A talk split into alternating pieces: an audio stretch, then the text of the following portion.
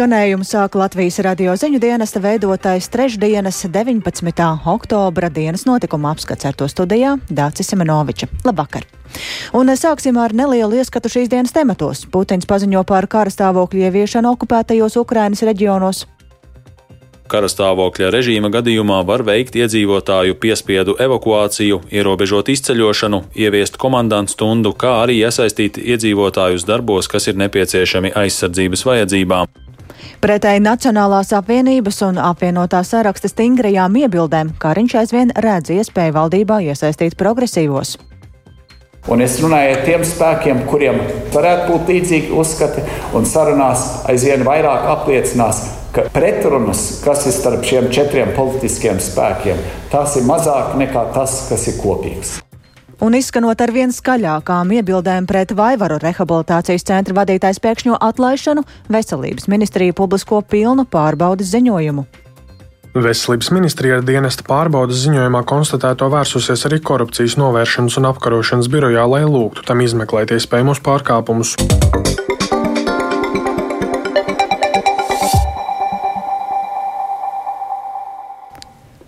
Krievijas prezidents Vladimirs Putins paziņojis par kara stāvokli četros okupētajos Ukrainas reģionos. Lai raisītu civiliedzīvotājos paniku, arī šodien turpinājās Krievijas uzbrukumi Ukrainas kritiskajai infrastruktūrai. Tikmēr okupētās Hersonas vadītājs ir paziņojis par iedzīvotāju masveida evakuāciju, lai pasargātu viņus no it kā gaidāma Ukrainas armijas uzbrukuma pilsētai. Ukrainas amatpersonas šos paziņojumus sauc par kārtējiem Kremļa meliem. Vairāk stāsta Uldi Česbergs. Krievijas prezidents Vladimirs Putins šodien bija sasaucis drošības padomes sēdi. Tās laikā Putins paziņoja, ka ir parakstījis rīkojumu par karastāvokļa ieviešanu okupētajos Luhanskas, Donetskas, Zaporīžas un Hersonas apgabalos Ukrainas austrumos un dienvidos. Rīkojums tika nodots apstiprināšanai Krievijas parlamenta augšpalātā Federācijas padomē. Putins arī paziņoja, ka ir nolēmis piešķirt plašākas pilnvaras visu Krievijas reģionu vadītājiem.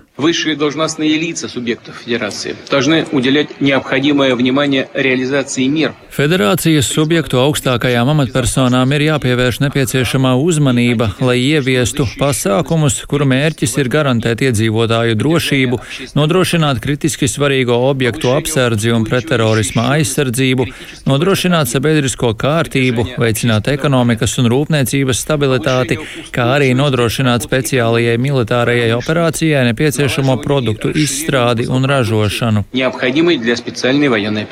Raidsabiedrība BBC vēsta, ka saskaņā ar Krievijas likumiem karastāvokļa režīma gadījumā var veikt iedzīvotāju piespiedu evakuāciju, ierobežot izceļošanu, ieviest komandantu stundu, kā arī iesaistīt iedzīvotājus darbos, kas ir nepieciešami aizsardzības vajadzībām. Vairāki Ukrainas reģioni šodien pieredzēja kārtējos Krievijas raķešu un kamikādzes dronu uzbrukumus, kuros galvenokārt bojāta energoapgādes infrastruktūra. Dienas laikā pienāca ziņas par jauniem uzbrukumiem Kīvas, Ivano-Frankivskas, Černihivas, Vinnicas un Zaporīžas apgabaliem. Ukrainas bruņotie spēki paziņojuši, ka mēneša laikā tiem ir izdevies notriekt vismaz 223 Krievijai piegādātos īrāņu kamikādzes dronus, kuri ikdienu terorizē Ukrainas pilsētas. Ukrainas augstākā rada šodien pieņēma paziņojumu, kurā parlaments pieprasa Irānai nekavējoties pārtraukt ieroču piegādes Krievijai. Augstākā rada arī vērsās pie starptautiskās sabiedrības ar lūgumu nepieļaut, ka Irāna sekmē Krievijas militāro agresiju pret Ukrainu. Tikmēr Eiropas Savienība gatavo jaunas sankcijas pret Irānu saistībā ar tās ieroču piegādēm Krievijai, paziņojusi bloka ārlietu vadītāja Žuzepa Borela pārstāve Nabila Masrali. Drones, Monday, Runājot par droniem, pirmdien notikušajā Eiropas Savienības ārlietu padomē augstais pārstāvis ārlietās un dalību valstu ārlietu ministri pauda nopietnas bažas par arvien biežāk izskanošo informāciju, ka Irāna Irānas ražotie bezpilota lidaparāti ir iesaistīti Krievijas agresijā pret Ukrainu. To apsprieda arī ar Ukrainas ārlietu ministru Dmitro Kulebu. Sarunās valdīja plaša politiskā vienprātība par to, ka Eiropas Savienībai būtu strauji jārēģē. Tagad, kad esam savākuši pietiekamus pierādījumus, padomē turpinās darbs, lai Eiropas Savienība reaģētu skaidri, ātri un stingri. Turpinoties Ukrainas spēku pretuzbrukumiem daļēji okupētajā Hersonas apgabalā, Kremļa ieceltā administrācija paziņojusi, ka tā pametīs reģiona administratīvo centru Hersonu. Pilsēta atrodas Dņepras upes labajā krastā, bet visām okupantu administrācijas varas iestādēm dots rīkojums pārcelties uz Dņepras kreiso krastu. Tāpat esot paredzēts, ka uz upes kreiso krastu evakuēs aptuveni 60 tūkstošus iedzīvotāju. Savukārt Ukrainas valdībai lojālās Hersonas apgabala militārās administrācijas vadītājs Jaroslavs Januševičs aicināja Hersonas pilsētas iedzīvotājus ignorēt okupantu prasību evakuēties. Viņš norādīja, ka tās ir lamatas, lai sagrābtu civiliedzīvotājus par ķīlniekiem un izmantotu viņus kā dzīvo vairogu. Ulris Česberis, Latvijas radio. Būvēt žogu posmos uz robežas ar Krieviju ir vienojušās Somijas parlamentā pārstāvētās partijas. Valdība izstrādās priekšlikumus izmēģinājumu projektam, ko vēl šogad nodos balsošanai parlamentā. Šādam nelielam žoga posmam valsts dienvidu austrumos vajadzētu dot plašāku informāciju par apstākļiem un izmaksām, tā saka premjera Sāna Marina. Noslēdzošais balsojums parlamentā par žoga būvi gan varētu būt tikai nākamgad, turpina Rihards Plūme. Izmēģinājuma projekta žogs būs 3 km garš un izmaksās 6 miljonus eiro. Robežsardze lēš, ka visa žoga izbūve prasīs 3 līdz 4 gadus un izmaksās simtiem miljonu eiro. Zināms, ka žogs būs vairākus metrus augsts un tam augšpusē tiks izvietots dzeloņstiepļu žogs. Lai gan žogs nevēlamu robežas šķērsošanu varētu mazināt, tas rada lielāku drošības sajūtu sabiedrībai un ir simbolisks, eksperti arī brīdina, ka migranti žoga dēļ ir spiesti ceļot šķērsot lielus attālumus, lai robežu mēģinātu šķērsot citur, un tādējādi viņi viegli kļūst par noziegumu upuriem. Irāna plāno noteikt kriminālu atbildību par virtuālo privāto tīklu jeb VPN pārdošanu. Tā ziņo telekomunikācija ministrs Issa Zarepūrs, un šo tīklu Irā, Irānā izmanto, lai apietu krasos internetu ierobežojumus, ko valdība uzlikusi cīnoties ar protestiem valstīm. Vēl pirmdien Eiropas Savienība noteica sankcijas Irānas tikumības policijai par 22 gadus vecās maksas amini piekaušanu līdz nāvei, un arī citiem drošības spēkiem par protestu apspiešanu, tostarp arī ministram Zarepūram. Protestos ir miruši desmitiem cilvēku un simt simtiem demonstrantu arestēti, turpina Rihards Plūme.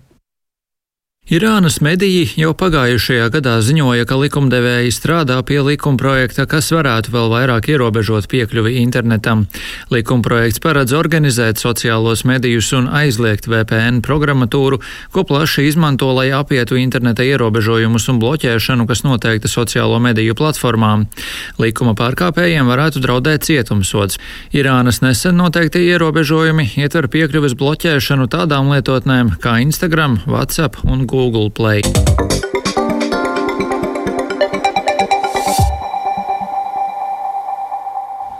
Un turpinām ar notiekošo Latvijas politikā. Partijas progresīvai pārstāvi turpinās piedalīties sarunās par nākamās valdības darāmajiem darbiem.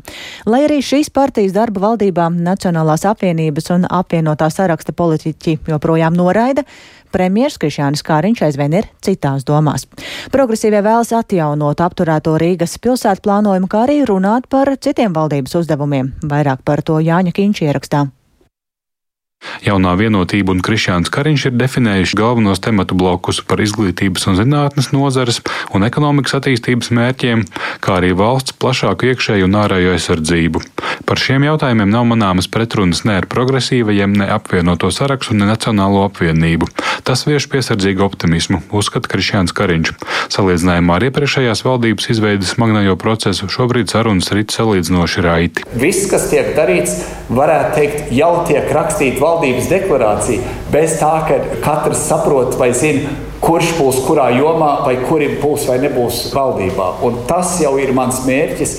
Panākt, ka mums ir liela kopēja izpratne par to, kur mums vispār ir jāvirzas. Un es runāju ar tiem spēkiem, kuriem plaša kopumā uh, saprat, ka mums varētu būt līdzīgi uzskati, un sarunās aizvien vairāk apliecinās, ka ir. Un tās pretrunas, kas ir starp šiem četriem politiskiem spēkiem, tas ir mazāk nekā tas, kas ir kopīgs. Cerību par iesaisti valdībā pašlaik vēl saglabā arī partija progresīvie. Tās viens no līderiem, Kaspars Briškens, nosauca dažus konkrētus nākamās valdības uzdevumus.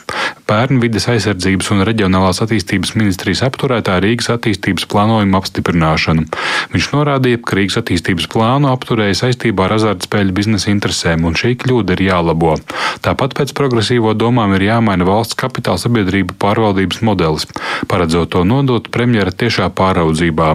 Trešais partijas pārstāvju minētais temats ir minimālās pensijas aprēķina maiņa un iespēja strādāt puslodes darbu bērnu kopšanas atvaļinājumā. Neatkarīgi no tās lomas, kāda būs progresīviem pozīcijā vai opozīcijā, mums ir kritiski svarīgi, lai nākamā Latvijas valdība rīkojās tiesiski. Mēs esam viensprātis ar jauno vienotību, ka mēs šo dialogu turpinām. Jau šonadēļ mēs turpināsim padziļinātas diskusijas jau arī ekspertu līmenī par atsevišķām tēmām, piemēram, par veselības aprūpi, par labklājību, par izglītību. Joprojām ceram, ka dialogu būs gatavi veidot arī pārējie iespējamie sadarbības partneri. Apvienotā saraksta un Nacionālās apvienības izvairīšanos no oficiālas sarunas ar progresīvajiem Kaspars Briškens interpretēja kā nevēlēšanos sadzirdēt līdzīgus uzstādījumus kā pašiem. Tad jau nebūs vairs iespējas eh, dažādus mītus postulēt sabiedrībā par to, kādas ir vai nav progresīvo nostājas. Nu, vienlaikus šāda veida atteikšanās veidot demokrātisku dialogu arī mums rada aizdomas, ka patiesais mērķis Nacionālajai apvienībai ir pēc iespējas ātrāk turpināt iesāktos darbus ar visām šīm politiskajām biznesa ietekmēm, kas ir novērojamas viņu vadītajos resoros, tā vietā, lai pieļautu to, ka koalīcijā kā līdzsvarojošs elements ienākam mēs, kā progresīvie, kas viennozīmīgi kalpos kā uzraugs un sarksuns šajās labas pārvaldības un tiesiskuma jomās. Par nākamās koalīcijas darbu plāna progresu premjerministrs Kariņš jaunadēļ atskaitīsies valsts prezidentam. Tad arī varētu būt zināmi tālāk pavērsieni šajā procesā. Jānis Kincis, Latvijas Radio.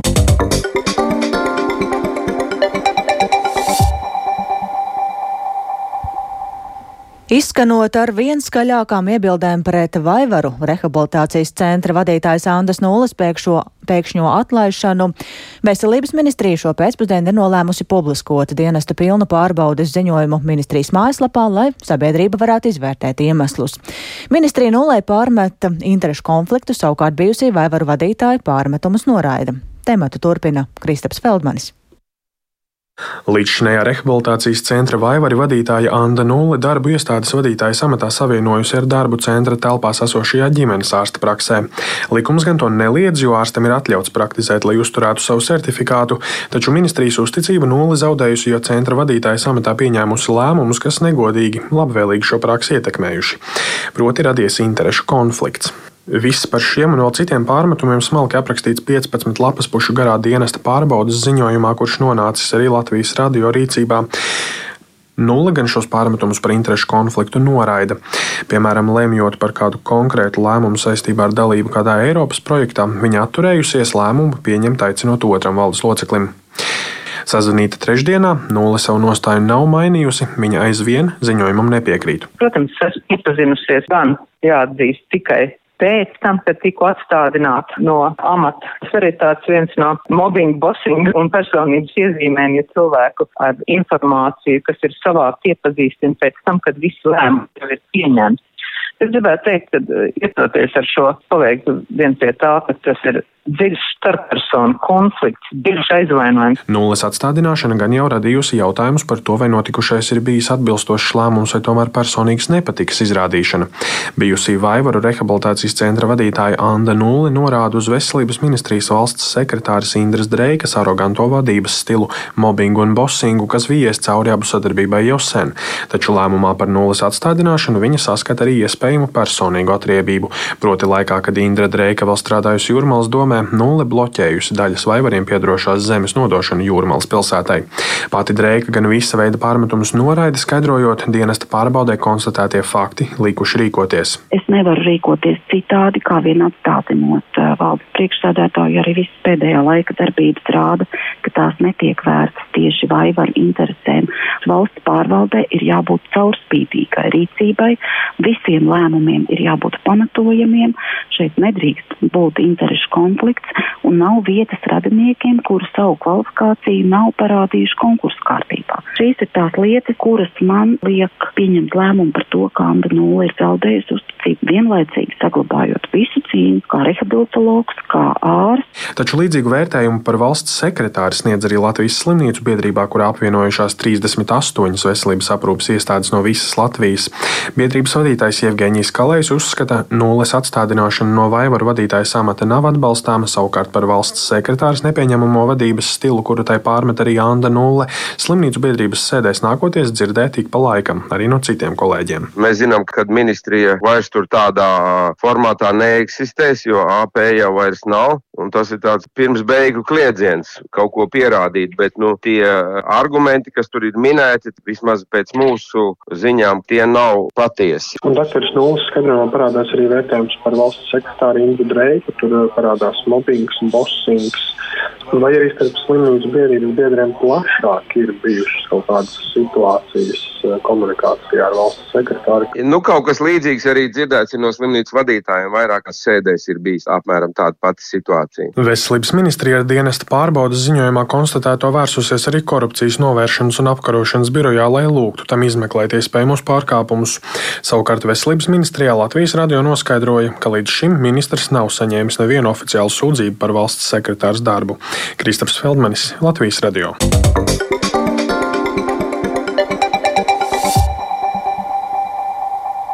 Bērniem ar uzvedības problēmām, kā arī viņu ģimenēm, nav pieejams atbalsts, tā secina valsts kontrole. Revidentu secinājumi ir skarbi. Latvijā nav skaidrs sistēmas, kā šiem bērniem palīdzēt īpaši pusauģiem. Iestādes pievēršas sodīšanai, taču valsts kontrola norāda, ka sodīšana nav audzināšana, un plašāk par tēmatu Lindas Spundiņas ierakstā. Latvijā vismaz 10 tūkstoši bērnu ir ar uzvedības problēmām, un vairāk nekā 36 tūkstošiem pastāv uzvedības problēmu iestāšanās risks. Tie ir vairāk nekā 10% no visiem bērniem valstī. Tas apliecina, ka tā ir sistemātiska problēma, secina valsts kontrola. Revīzijas ziņojumā noskaidrots, ka pašvaldības zina tikai nelielu daļu no šiem bērniem. Vietverām nav informācijas pat par visiem bērniem, kuri izdarījuši administratīvos pārkāpumus vai pat noziedzīgus nodarījumus, tāpēc ar šo bērnu problēmām nestrādā vai to dara novēloti. Jāpiebilst, ka secināts, ka katrs ceturtais bērns līdz pilngadībai izdara kādu administratīvu pārkāpumu. Iestādes aprobežojas tikai ar formālu uzdevumu definēšanu, tādēļ lielākoties bērnu uzvedība nemainās vai pat pasliktinās.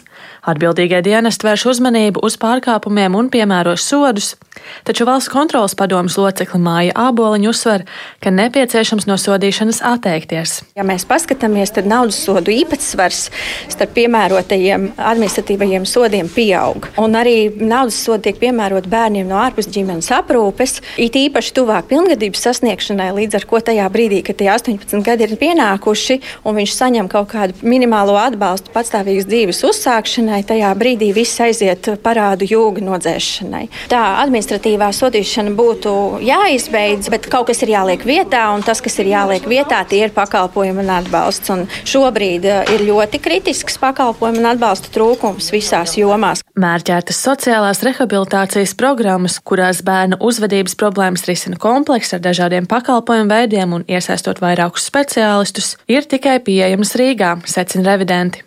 Lai strādātu ar problēmu bērniem, svarīgi piesaistīt mentorus. Revīzijas laikā mentoru pakalpojumu izmantoja tikai 12 pašvaldības. Revidenti vērš uzmanību, ka sodīšana nav audzināšana, iesaka likvidēt sociālās korekcijas izglītības iestādi Naukšānu un meklēt citus risinājumus bērnu uzvedības korekcijai.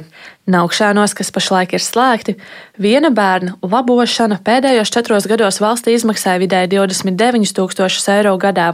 Labklājības ministrijas valsts sekretāra vietniece Diana Jakaita atklāja, ka valsts kontrolas secinātais nav nekas jauns. Zināmā mērā tas ir saistīts ar to, ka finansējums šiem pakalpojumiem nebija pietiekams, nu, un arī, protams, pieredze arī mums nebija attīstījusies.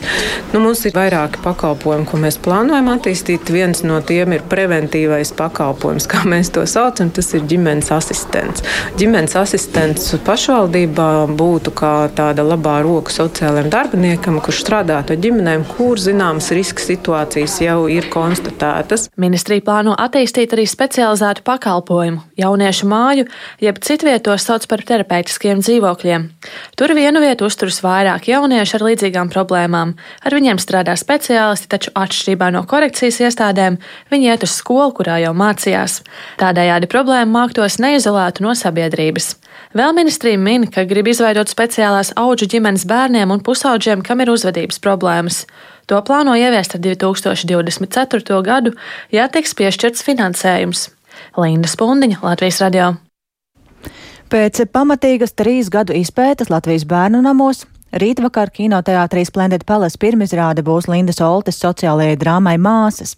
Tas stāsta par pusaugu meitenēm, kurām pavērs iespēju tikt adoptētām amerikāņu ģimenēm.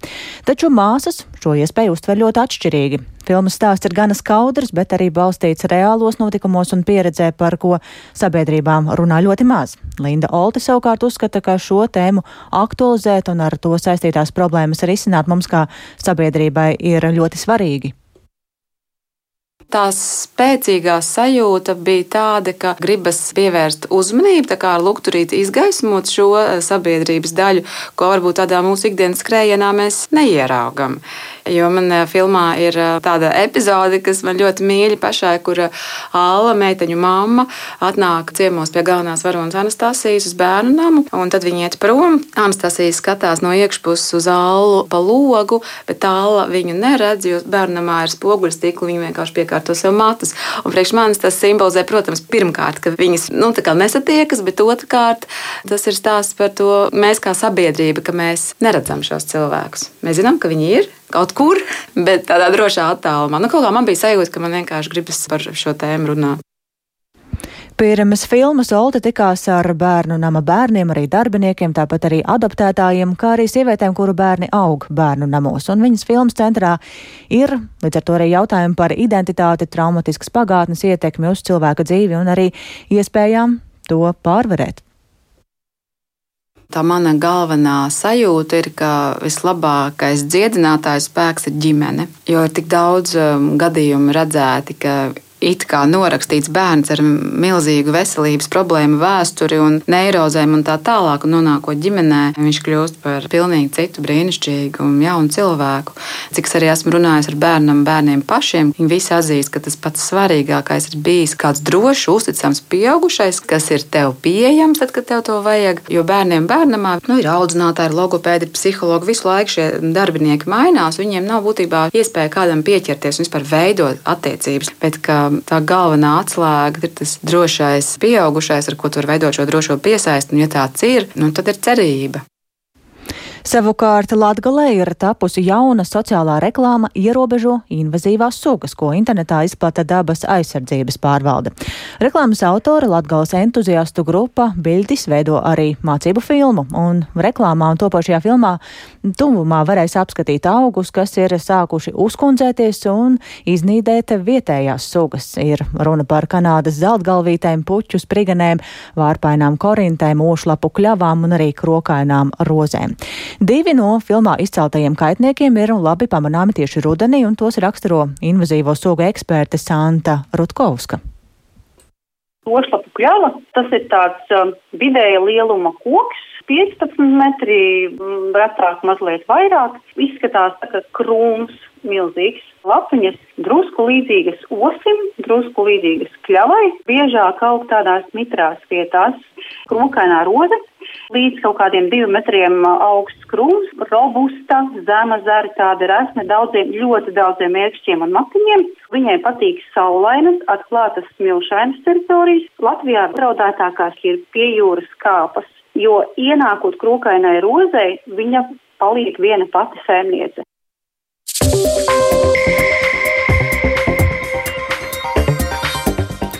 Un ar to izskan dienas notikuma apskats. Producents Edgars Kupčs ierakstus montēja Renāša Steimanis par labskaņu rūpējās Īveta Zvejniece un ar jums sarunājās Dācis Simenovičs. Vēlreiz īsi par svarīgāko Putins paziņo par karastāvokļa ieviešanu okupētajos Ukrainas reģionos. Pretēji Nacionālās apvienības un apvienotā saraksta stingrajām iebildēm Kāriņš aizvien redz iespēju valdībā iesaistīt arī progresīvos. Izskanot ar vien skaļākām iebildēm pret Vaivaru rehabilitācijas centra vadību klausītājs pēkšņo atlaišanu, veselības ministrija publisko pilnu pārbaudas ziņojumu, un eh, bērniem ar uzvedības problēmām, kā arī viņu ģimenēm nav pieejama atbalsta, tā secina valsts kontroli.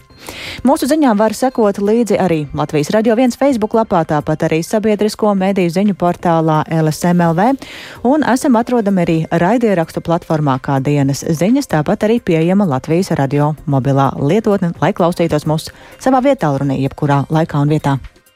yeah.